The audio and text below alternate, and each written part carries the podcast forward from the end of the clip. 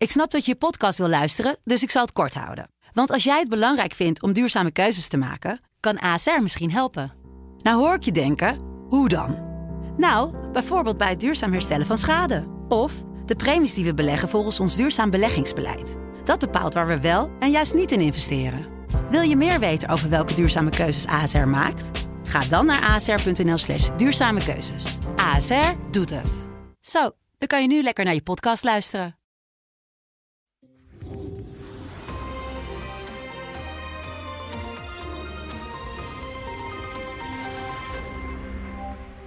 En welkom weer bij ons wekelijks gesprek met de hoofdredacteur van de Telegraaf, Paul Jansen. Paul, fijn dat je er weer bent. We gaan het hebben over het uh, asielsysteem. Ja, je hebt eigenlijk al vaak aangegeven dat het piept en het kraakt. Het is geen systeem, het is een puinhoop. Failliet, heb je het ook uh, genoemd? Ja, de Telegraaf roept al jaren dat dit, dit, dit, dit systeem, uh, dit asielbeleid failliet is. En wat we nu weer zien met, met mensen die hier aankloppen...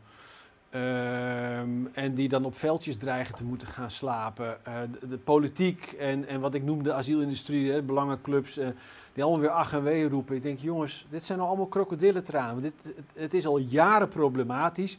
En het zal ook problematisch blijven, omdat de beleidmakers ervoor terugdeinzen om nou eens echt fundamentele oplossingen te vinden. Die, wat mij betreft, uh, niet alleen humaan zijn maar ook uitvoerbaar. Ja, het was uh, bij Broekers-Knol een probleem. Het is nu bij uh, de nieuwe staatssecretaris van de Burger een probleem. Hij ging kijken in uh, Ter Apel, waar het Rode Kruis naartoe moest... om maar weer met dekens, ja. tenten, wat dan ook aan de haal te gaan. En hij stuurde ook een tweet waarin hij hè, zei van... nou, ik, ik ben er hard mee aan het werk, maar ik kan het ook niet alleen. Ik heb eigenlijk de hulp van de gemeente daarbij weer, weer nodig. Ja, het is allemaal dweilen met de kraan open.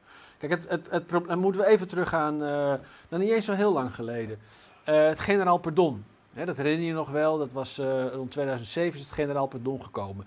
En, en dat, dat was toen om, omdat we toen ook zagen dat onze hele asielbeleid vastliep. Er zaten heel veel mensen die, die, die eigenlijk tussen wal schip dreigden te vallen met oude regels, nieuwe regels. En toen heeft de politiek gezegd, we, uh, jongens, er is een generaal pardon nodig om, om, om ervoor te zorgen dat die constante druk en ook de onzekerheid voor mensen uh, of ze nou wel of niet mochten blijven, om dat in één keer, keer die hoorde te nemen. Maar werd het toen beloofd uh, door de coalitie van CDA, PvdA en, en ChristenUnie. Als we dat generaal pardon doen, dan is de keerzijde ervan dat er nu echt een strikt, rechtvaardig uh, asielbeleid komt. En dat betekende onder andere dat bijvoorbeeld noodopvang, die veel gemeentes hadden voor uitgeprocedeerde uh, de bedbad, bedbad en broodlocaties, ja. die moesten dicht. Nou, wat hebben we, dit is 2007, we zijn nu 15 jaar later. Wat hebben we sinds, sinds 2007 gezien? Die gemeentelijke noodopvang die is eigenlijk nooit echt gesloten geweest. Daar, daar is de hele tijd vanuit lokale politiek is, is gemarchandeerd met regels. Vervolgens hebben we gezien dat er uh, weer heel veel dwangsommen, miljoenen, tientallen miljoenen aan dwangsommen moesten worden betaald. Omdat de IND uh, de, de zaakjes niet op orde had. Door, doorstroming stokte. Er werd niet op tijd werden de procedures in behandeling genomen. We hebben ook gezien dat er vanuit de politiek stelselmatig is geprobeerd om die regels die dus in 2007 met de, met de nieuwe asielwetgeving, waarvan nog toenmalig PvdA-staatssecretaris Cohen de basis heeft gelegd, dat, dat vanuit de politiek steeds is geprobeerd die regels op te rekken. Met, met zaken als een kinderpardon. En dat, mm-hmm. dat klinkt allemaal heel aardig, een kinderpardon. Maar vergeet niet dat onder dat kinderpardon de meerderheid van de mensen die mocht blijven, was volwassen. Uh, om maar eens een voorbeeld te noemen. Uh, vergeet ook niet de enorme criminaliteit onder asielzoekers, die vervolgens ook door beleidsmakers onder het tapijt zijn, uh, zijn geveegd. En het is de Telegraaf geweest die dat ja. destijds ja. naar voren heeft gehaald. Nou, denk aan het totaal mislukte uitzetbeleid. Wij slagen er niet in dat als wij dan zeggen: oké, okay, u mag hier asiel aanvragen, dat als, u, als dan blijkt dat, u, dat die mensen geen recht hebben op asiel hebben, slagen wij er niet in om die mensen uit te zetten. Er is geen doorstroming van ja. mensen die wel mogen blijven. En tot slot, en niet onbelangrijk, de mensen die, die hier mogen blijven en doorstromen, die slagen er vervolgens onvoldoende in uh, om aan te haken op de Nederlandse ja. samenleving. Ook na jaren zit een, een, meerderheid van, van de, de statushouders zit gewoon in de ja. bijstand. Ja. Nou, dat zijn allemaal signalen die er wat mij betreft op wijzen dat de asielaanpak die wij nu uh, hanteren niet werkt. En als ik de recente cijfers zie, en elke week hebben we de, elke week duizend asielaanvragen gemiddeld. Uh, waarvan twee derde eerste asielaanvragen en, en de andere herhalen. ehm, herhaalverzoeken. En je ziet de taferelen op straat. Je ziet het, het totale vastlopen van, van de keten. eh, overwerkte IND-medewerkers. Inconsequent beleid. Dan zeg ik, jongens, wanneer gaan we nou eens ophouden met alle symptoombestrijding? En nu eens een wezenlijke discussie voeren hier in Nederland. Die wel om politieke lef vraagt. Om naar een andere oplossing te kijken. En dan noem ik graag het Deense model. Ja, want wat je krijgt, om daar nog even op door te gaan met al die problematiek die jij aanhaalt, is dat de staatssecretaris die op dat moment ervoor verantwoordelijk is, met de handen in het haar zit en eigenlijk ook niet echt met concrete oplossingen kan komen in de bestaande problematiek. Uh, kan wel, maar er is, er is gewoon. het- Kijk, het- hier gaat het fout. Jij zegt, kan niet met, probleem, met, met oplossing komen. Dat kan de staatssecretaris wel.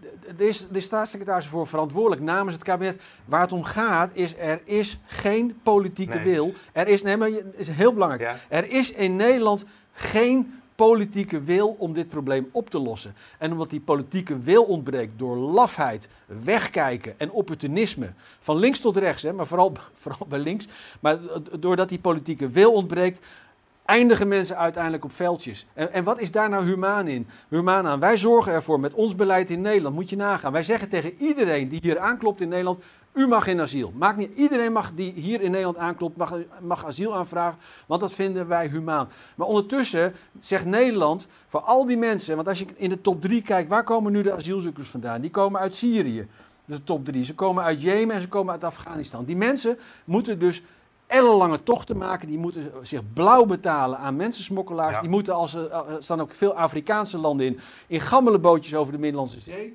Er vallen ontzettend veel slachtoffers. Daar is werkelijk waar niets humaans aan. Nee. En Nederland staat erbij en die kijkt ernaar, die doet niks. Maar die zegt, oh, als mocht u Nederland bereiken, dan mag Ja. iedereen hier asiel aanvragen. Dat is toch geen beleid? Nee. Dat is een ratje toe. Maar die machteloosheid waar ik op doelde, die eh uitte Van den Burg, ook de staatssecretaris, toen ik hem notabene een maand geleden sprak. Toen waren er ook een probleem, het was onduidelijk waar ze moesten slapen. En toen zei hij dit. Kunt u nou garanderen dat die mensen vanavond een bed hebben? Op dit moment niet. Dat is toch, ja, u bent daar is- verantwoordelijk voor. Dat is, eh, eh, ik zal me netjes gedragen, ik wilde een niet net woord gebruiken. Dat is zeer onwenselijk. Het is toch onbestaanbaar dat er nu asielzoekers uit eh, die opvangtenten zijn gezet en niet eens weten waar ze slapen vanavond? Nou, dus moeten wij zorgen dat er voldoende plek is vanavond. Ja, maar dat dat op de dag zelf nog geregeld eh, moet worden. Wat zegt dat over de asielinstroom en of Nederland dat überhaupt kan dragen? Nou, dat zegt in ieder geval dat het op dit moment niet goed geregeld is. Ja, en nu eh, zijn ze wel aan de slag om toch maar met eh, knip- en plakwerk, zou je het misschien zo kunnen noemen, problemen te, op te lossen door bijvoorbeeld gemeentes meer te dwingen. Of Rijksvastgoed, hè, bracht de Telegraaf eh, op deze vrijdag, in te zetten, leegstaande overheidsgebouwen. Maar is dat dan een structurele oplossing? Nee, het is, omdat het allemaal symptoombestrijding is. Het is allemaal symptoombestrijding van een falend beleid. En een beleid dat namelijk gestoeld is op iedereen die hier aanklopt kan asiel aanvragen.